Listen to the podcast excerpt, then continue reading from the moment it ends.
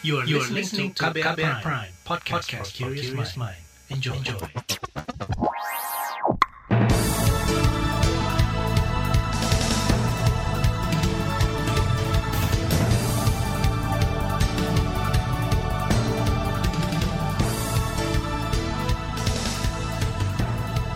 Anda mendengarkan Buletin Pagi hari ini 13 Juli 2021 saya Reski Mesanto. Pagi ini sejumlah informasi telah kami siapkan untuk Anda. Di antaranya, jumlah pasien COVID-19 meninggal saat isoman meningkat.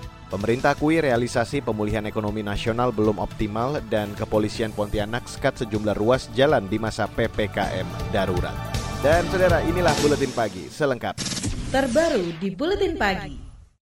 Saudara, jumlah pasien COVID-19 yang meninggal saat menjalani isolasi mandiri terus meningkat. Menurut data lembaga lapor COVID-19, jumlah pasien yang meninggal saat isolasi mandiri mencapai lebih dari 450 orang. Inisiator lapor COVID-19 Ahmad Arif mengatakan, ratusan orang yang meninggal saat isolasi mandiri itu tercatat dari 12 provinsi dan 62 kabupaten kota. Jawa Barat dan Yogyakarta menjadi daerah dengan angka tertinggi kasus meninggalnya pasien saat isolasi mandiri. Perlu sebagai catatan ya di, eh, di sini bahwa uh, jumlah yang terdata ini kami yakin ini hanya fenomena puncak gunung es ya, karena tidak semua terberitakan atau terlaporkan. Ya. Beberapa waktu yang lalu misalnya kami komunikasi dengan teman-teman di Dinkes uh, Jakarta ya bahwa mereka rata-rata sehari itu menerima laporan uh, ada 45 pasien isoman yang meninggal di rumah gitu. Kami sekarang sedang berkoordinasi dengan uh, DKI Jakarta untuk meminta uh, data uh, perharinya ya untuk kemudian bisa kami integrasikan dengan uh, data di lapor COVID gitu. Inisiator lapor COVID-19 Ahmad Arif menjelaskan, sebagian besar pasien meninggal saat isolasi mandiri karena tidak terpantau atau terlambat dibawa dan ditangani rumah sakit. Guna mencegah bertambahnya kasus pasien isolasi mandiri yang meninggal, Arif mendesak pemerintah memperbanyak tempat isolasi terpusat yang dilengkapi tenaga kesehatan dan mengoptimalkan layanan konsultasi daring. Sementara itu, saudara, salah seorang pasien COVID-19, Nasar, mengeluhkan mahalnya biaya obat selama ia menjalani isolasi mandiri karena positif COVID-19. Nasar juga menyebut layanan telemedicine yang diluncurkan pemerintah juga tidak gratis, bahkan beberapa obat antivirus dan multivitamin tetap harganya mahal. Hmm, karena situasi isoman ya, saya tidak mau berinteraksi di luar sana, jadi saya cari amannya aja untuk belanja lewat online. Begitupun makanan. Iya, tidak ada. Ya kendalanya sih mungkin klasik ya. Kendalanya klasik. Dananya. iya, saya beli. Sorry, saya menambahkan satu obat yang atm apa atemevir apa gitu. Itu peng antivirus. Terus harganya lumayan di 6 biji aja itu 6 kapsul itu range 300 sampai 600 ribu. Sementara pasien COVID-19 lainnya yang juga menjalani isolasi mandiri, Dwi mengatakan, ia terbantu dengan jasa konsultasi dokter digital lewat telemedicine dan mendapatkan rekomendasi obat ringan. Saudara, Kementerian Kesehatan memastikan pasien isolasi mandiri COVID-19 harus tetap berada di bawah pantauan tenaga kesehatan agar tidak terjadi perburukan kondisi kesehatan. Direktur Pencegahan dan Pengendalian Penyakit Menular langsung di Kementerian Kesehatan Siti Nadia Tarmizi mengatakan, pemerintah melalui tenaga kesehatan terus memantau pasien yang melakukan isolasi mandiri. Eh, mekanisme yang selama ini sudah kita ketahui ya. Artinya kalau masyarakat eh, hasil laboratoriumnya positif, dia akan melakukan isolasi mandiri. Mereka bekerja sama dengan satgas setempat ya, dengan melalui RT RW. Kemudian nanti satgas akan menghubungkan dengan puskesmas. Ya nanti puskesmas akan eh, mengkontak ya melalui WhatsApp ataupun melalui telepon untuk memastikan kondisi-kondisi masyarakat yang melakukan eh, isolasi mandiri. Yang kemudian nanti dengan dibantu satgas tadi eh, mungkin akan diberikan obat-obat uh, selama melakukan isolasi mandiri. Menurut Direktur Pencegahan dan Pengendalian Penyakit Menular Langsung, Siti Nadia Tarmizi mengatakan, pasien isolasi mandiri juga bisa berkonsultasi dan mendapat obat gratis melalui layanan konsultasi digital telemedicine. Namun layanan ini baru tersedia di Jakarta dan sekitarnya. Pemerintah juga akan berupaya menambah lokasi isolasi terpusat dengan mengkonversi rumah sakit untuk perawatan pasien COVID menyediakan tenda darurat hingga rumah sakit lapangan untuk menampung pasien COVID. Sementara itu, saudara, pemerintah juga akan mengirim sekitar 300 ribu paket obat gratis bagi penderita COVID-19 yang menjalani isolasi mandiri. Koordinator PPKM Darurat Jawa Bali, Luhut Panjaitan mengatakan, pemberian paket obat gratis ini akan dimulai Rabu besok. Tanggal Rabu nanti, minggu ini, kita akan launching ada 300 ribu paket obat untuk tadi OTG dan juga untuk yang uh, apa namanya masih tidak serius yaitu OTG 10 persen, paket untuk demam dan uh, uh, nomsmia 60 persen dan paket 3 demensia apa demam dan batuk 30 persen. Jadi paket obat ini akan menjangkau hampir 210 ribu yang kasus aktif beberapa bulan ke depan. Koordinator PPKM Darurat Jawa Bali, Luhut Binsar Panjaitan menambahkan, penyaluran obat untuk masyarakat yang melakukan isolasi mandiri akan dilakukan oleh personel TNI dan tim terkait lainnya. Luhut memastikan sudah menyusun prosedur untuk implementasinya. Saudara, anggota Ikatan Dokter Indonesia atau IDI yang juga Duta Perubahan Perilaku COVID-19, Reisa Broto Asmoro mengatakan, Pasien positif COVID-19 harus melapor ke fasilitas kesehatan setempat dan tidak bisa sembarangan menentukan melakukan isolasi mandiri. Reisa mengatakan laporan kondisi pasien baik tanpa gejala atau gejala ringan dimaksudkan agar pasien itu mendapatkan pemantauan dan perawatan dari tenaga kesehatan setempat. Syarat-syaratnya juga harus terpenuhi, misalnya yang boleh melakukan isolasi mandiri adalah kalau misalnya dia tuh uh, gejalanya ringan, uh, atau tanpa gejala sama sekali. Terus dia tidak memiliki komorbid yang berat, kemudian usia juga sebaiknya di bawah 45 tahun, dan sarana di rumahnya itu memungkinkan untuk dia melakukan isolasi mandiri. Duta Perubahan Perilaku yang juga juru bicara Satgas Penanganan COVID-19, Reisa Broto Asmoro mengatakan, jika pasien layak menjalani isolasi mandiri, maka petugas kesehatan akan memberikan pelayanan medis minimal dua pekan dengan obat-obatan dan suplemen yang diperlukan pasien. Setiap pasien akan mendapatkan obat-obatan ataupun suplemen sesuai gejala kesehatan yang muncul. Reise juga meminta masyarakat tidak berinisiatif membeli obat-obatan sendiri tanpa konsultasi atau resep dari dokter. Saudara, di bagian selanjutnya akan kami hadirkan informasi mengenai ICW yang sebut ada dugaan keterlibatan politisi PDIP lain di kasus korupsi Bansos. Informasi selengkapnya sesaat lagi, tetaplah di Buletin Pagi KBR. You're listening to KBR Pride, podcast for curious mind. Enjoy!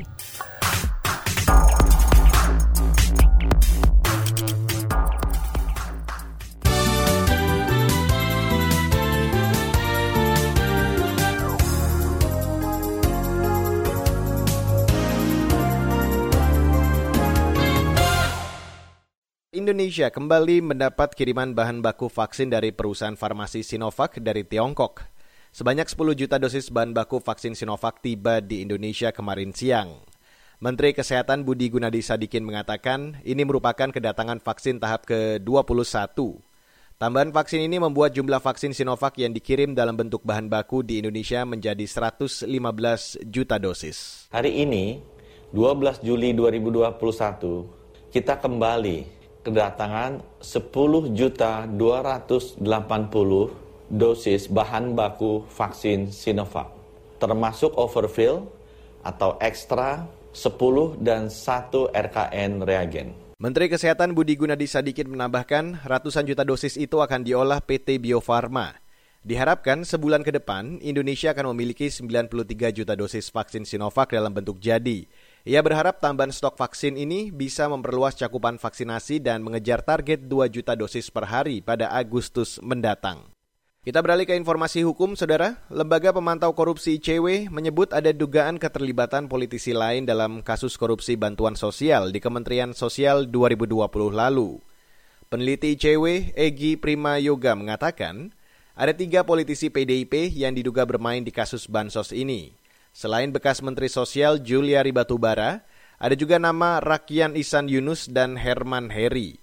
Menurut Egi, Dua politisi PDIP ini diduga terafiliasi dengan perusahaan pengadaan paket bantuan sosial. Namun di tengah kondisi krisis seperti sekarang gitu ya, eh, di mana celah mencari keuntungan menjadi besar itu kesehatan, saya rasa kasus korupsi bansos ini perlu ditelik lebih jauh. Apakah memang uh, ada ada uang-uang yang mengalir kepada partai politik uh, dalam uh, dalam misalnya bansos gitu ya, pengadaan bansos dan sebagainya. Nah dalam kasus ini saya rasa uh, kita bisa menjadikannya sebagai sebuah contoh. Saya menduga aliran dana kepada parpol tidak terjadi pada satu lokasi ini saja gitu ya. Kemungkinan dengan dana yang dikutip begitu besar aliran dana itu mengalir ke mana-mana begitu. Nah ini yang saya rasa perlu dilihat oleh aparat penegak hukum. Peneliti ICW, Egi Prima Yoga mendesak aparat penegak hukum serius menelusuri lebih dalam dan mengusut tuntas kasus korupsi Bansos. Ia juga mendesak KPK segera menyelidiki dua politisi itu dan menetapkannya sebagai tersangka. Tujuannya agar tidak ada lagi kasus korupsi yang merugikan rakyat saat pandemi. Beralih ke informasi ekonomi, Saudara, Kementerian Koordinator Bidang Perekonomian mengakui realisasi program pemulihan ekonomi nasional belum optimal. Sekretaris Kemenko Perekonomian Susi Wijono Mugiarso mengatakan, salah satu kendalanya adalah tingginya tunggakan program pemulihan ekonomi tahun lalu. Memang betul eh, teman-teman sekalian, terutama di sektor kesehatan, ini realisasinya juga masih perlu kita dorong. Banyak hal di tingkat teknis operasional yang memang uh, menimbulkan kesulitan dan kendala tersendiri. Seperti biaya klaim untuk perawatan rumah sakit, ini tunggaan tahun 2020 yang lalu masih uh, triliunan jumlahnya, dan ini masih terus direview oleh teman-teman BPKP, sehingga memang tidak mudah mengurai beberapa tunggaan-tunggaan 2020 dan tagihan di 2021. Sekretaris Kemenko Perekonomian Susi Wijono Mugiarso mengatakan, Kendala lain yang menghambat pemulihan ekonomi adalah belum optimalnya realisasi anggaran PN di penyaluran bantuan sosial. Hingga kemarin, realisasi anggaran program pemulihan ekonomi nasional pada enam bulan pertama 2021 baru mencapai 252 triliun rupiah atau sekitar 36 persen dari pagu anggaran sebesar hampir 700 triliun rupiah. Beralih ke mancanegara, saudara, Pemerintah Uni Emirat Arab menetapkan larangan masuk bagi siapa pun yang melakukan perjalanan internasional dari Indonesia. Dikutip dari Instagram resmi KBRI Abu Dhabi, pemerintah Uni Emirat Arab memberlakukan pelarangan tersebut hingga batas waktu yang tidak ditentukan. Larangan berlaku bagi penerbangan yang datang dari Indonesia selama kurun waktu 14 hari sebelum datang ke Uni Emirat Arab. Negara tetangga Filipina juga mempertimbangkan melarang masuk wisatawan asal Indonesia dan Malaysia. Larangan itu untuk menahan penyebaran virus corona varian Delta yang sedang melonjak di dua negara itu. Beralih ke berita olahraga, saudara. Indonesia masuk dalam daftar sementara tuan rumah balap mobil listrik Formula E musim 2022. Dalam rilis Federasi Internasional Automobil FIA, ada 12 negara selain Indonesia yang masuk daftar rencana balap mobil Formula bertenaga listrik yang akan berlangsung dalam 16 seri itu. VIA menyebut Indonesia akan menjadi penyelenggara seri ke-9 yang akan berlangsung pada 4 Juni 2022. Namun rencana ini masih akan dipastikan dalam rapat yang akan dilaksanakan di Paris, Prancis 15 Oktober mendatang. Tidak disebutkan lokasi atau kota yang diincar menjadi tempat balap Formula E Indonesia. Sebelumnya, Jakarta juga sempat disebut menjadi tempat balap mobil listrik Formula E pada 2020, namun rencana itu batal karena pandemi. Baiklah saudara kita break dulu dan nanti setelah break akan kami hadirkan laporan khas KBR mengenai penyaluran bansos di masa PPKM darurat. Tetaplah bersama kami. You're listening to KBR Pride, podcast for curious mind. Enjoy!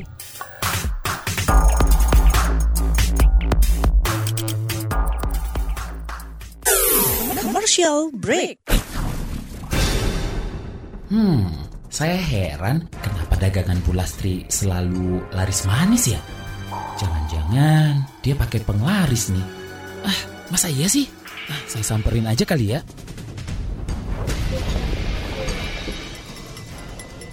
Eh, Pak Bayu, gimana Pak? Udah makan siang belum? Iya Bu Lastri, belum nih. Saya lihat dagangan Bu Lastri laris terus. Bu Lastri pakai penglaris ya?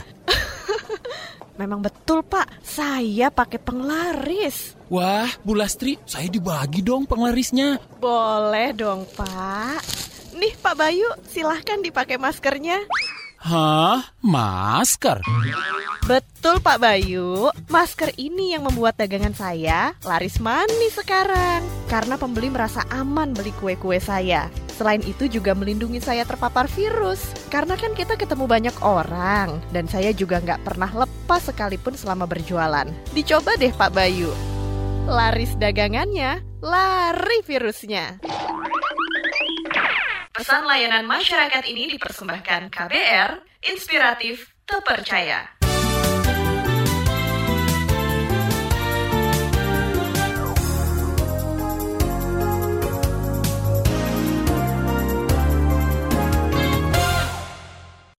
Anda masih bergabung bersama kami di Buletin Pagi KBR. Saudara, pemerintah akan mempercepat penyaluran bantuan sosial tunai serta bantuan lain dalam skema program Keluarga Harapan, terutama di masa pembatasan kegiatan masyarakat atau PPKM darurat. Meski begitu, penyaluran bantuan ini menimbulkan was-was di masyarakat, terutama kekhawatiran bantuan salah sasaran atau dikorupsi. Berikut saya hadirkan laporan tim KBR yang disampaikan Astri Yuwanasari. Pekan ini pemerintah kembali menyalurkan bantuan sosial ke masyarakat – Bantuan dirapel dua bulan sekaligus untuk membantu masyarakat selama penerapan pembatasan kegiatan PPKM Darurat Jawa Bali. Ketua Komite Penanganan COVID-19 dan Pemulihan Ekonomi Nasional Erlangga Hartarto mengatakan bantuan berupa bantuan sosial tunai ditambah bantuan beras. Kepada penerima PKH, keluarga harapan dan uh, yang mendapatkan uh, bantuan tunai kepada 20 juta keluarga ini akan dipersiapkan uh, bantuan tambahan beras sebesar 10 kg. Nah, ini sedang dalam proses di Kementerian Sosial dan dengan Bulog. Bantuan sosial tunai yang diberikan sebesar Rp300.000 per bulan untuk dua bulan sekaligus, atau masyarakat penerima akan mendapat total bantuan Rp600.000. Namun rencana pencairan dana bansos tunai ini memunculkan kekhawatiran adanya penyalahgunaan atau salah sasaran.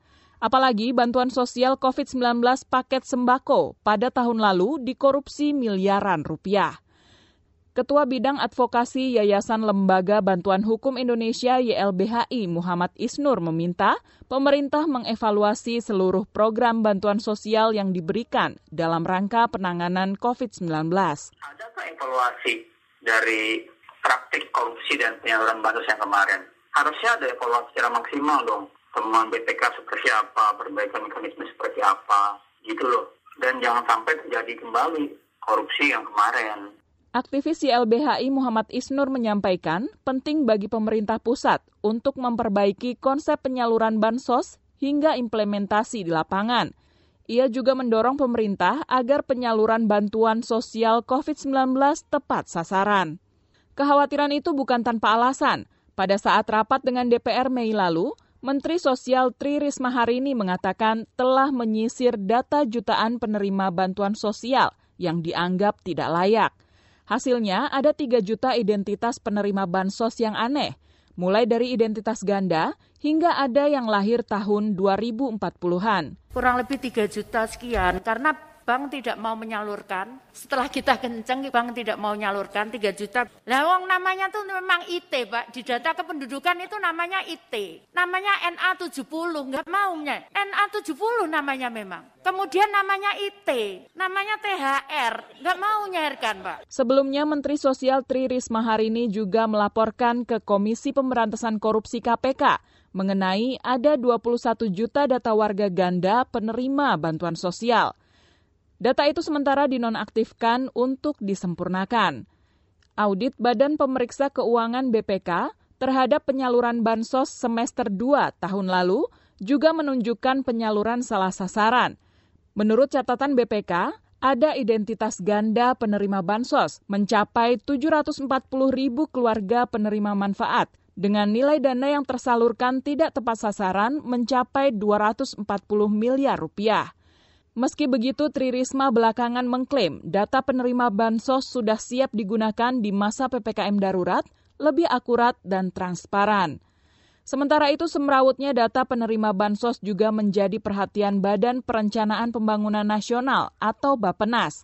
Staf ahli Menteri Perencanaan Pembangunan Nasional Okto Rialdi mengatakan mereka telah menyiapkan program Satu Data Indonesia untuk membantu agar bantuan sosial pemerintah lebih tepat sasaran.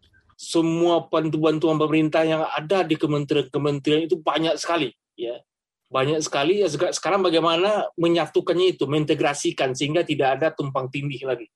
Berdasarkan kepada kalau kita misalnya bantuannya langsung ke pemerintah ke masyarakat itu berdasarkan data NIK-nya, ya.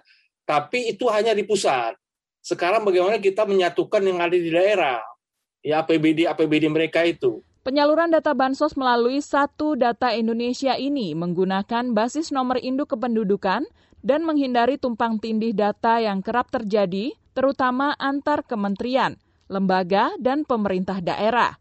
Hanya saja, infrastruktur satu data Indonesia ini diperkirakan baru siap pada tahun depan. Laporan ini disusun Agus Lukman, saya Astri Yuwanasari. Saudara, informasi dari berbagai daerah akan kami hadirkan di bagian akhir dari buletin pagi hari ini. Tetaplah bersama kami. You're listening to KBR Pride, podcast for curious mind. Enjoy!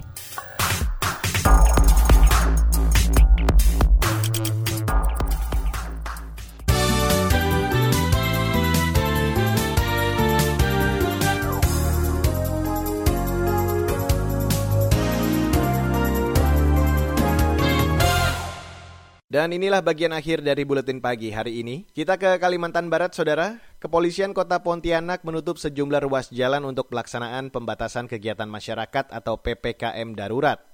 PPKM darurat di Pontianak dimulai Senin kemarin. Kapolresta Pontianak Leo Joko Triwibowo mengatakan, tujuh ruas jalan di Pontianak ditutup hingga 20 Juli mendatang. Kan penutupan, penutupan ada tujuh ruas di Ayani, Imam uh, Adi Sucipto, Parit Mayor, kalau di wilayah utara di Batu Layang, kemudian Tanjung Timur di Tanjung Hulu dan Tanjung Raya, uh, ya Tanjung Raya dan satu lagi di Jeruju. Ini yang akan kita tutup, uh, masyarakat tidak uh, kita kita filter untuk masuk ke wilayah kota. Ini untuk mengurangi kepadatan masyarakat di masuk ke kota. Kapolres Kota Pontianak Leo Joko Triwibowo menambahkan, Polisi bersama TNI juga menerjunkan lebih dari seribu personel untuk mengamankan berbagai ruas jalan guna mengurangi mobilitas warga. Leo mengatakan aparat akan menggunakan cara-cara humanis untuk meminta warga putar balik agar mobilitas mereka berkurang. Dari Jawa Barat, Saudara, kebutuhan plasma konvalesen untuk terapi COVID-19 di Bandung terus meningkat. Saat ini daftar tunggu permohonan permintaan plasma konvalesen di unit transfusi darah PMI Kota Bandung mencapai 600-an pasien. Kepala Unit Transfusi Darah PMI Kota Bandung, Uke Muktimanah, mengatakan, kebutuhan plasma konvalesen terus bertambah setiap hari. Ia mengajak para penyintas COVID-19 dengan gejala berat agar mau menjadi pendonor. Tidak seimbang antara permintaan dan jumlah donor. Kenapa? Karena persyaratannya yang sulit, mencari pendonornya yang sulit. Yang paling utama adalah kita harus dapat titer antibodinya yang yang kedua juga kurun waktunya. Kurun waktunya yang harus diambil antara dua minggu sampai 12 minggu. Jadi orang yang lewat dari situ udah bisa. Kepala Unit Transfusi Darah PMI Kota Bandung Uke Muktimanah mengatakan Antrian permintaan plasma konvalesen juga disebabkan banyaknya penyintas COVID-19 yang tidak mau identitasnya diketahui atau belum pernah menjadi pendonor. Saat ini, unit transfusi darah PMI Kota Bandung tidak memiliki stok ketersediaan plasma konvalesen. Dan saudara, informasi tadi sekaligus menutup buletin pagi untuk hari ini, 13 Juli 2021. Jangan lupa untuk selalu memantau informasi terbaru melalui kabar baru setiap jamnya. Anda juga bisa mengunjungi website kami di kbr.id dan official Twitter dari KBR di account @beritaKBR. Jangan lupa untuk Anda yang tertinggal siaran pagi hari ini, Anda juga bisa kembali mendengarkannya di podcast Buletin Pagi. Ada di KBR Prime, Spotify, dan tentunya platform mendengarkan podcast lainnya. Patuhi dan terapkan protokol kesehatan di mana pun Anda berada dan untuk Anda yang memungkinkan untuk bekerja dari rumah, tetaplah di rumah. Kita putus penyebaran COVID-19 ini bersama. Mewakili tim redaksi yang bertugas pagi hari ini, saya Reski Mesanto undur diri. Salam.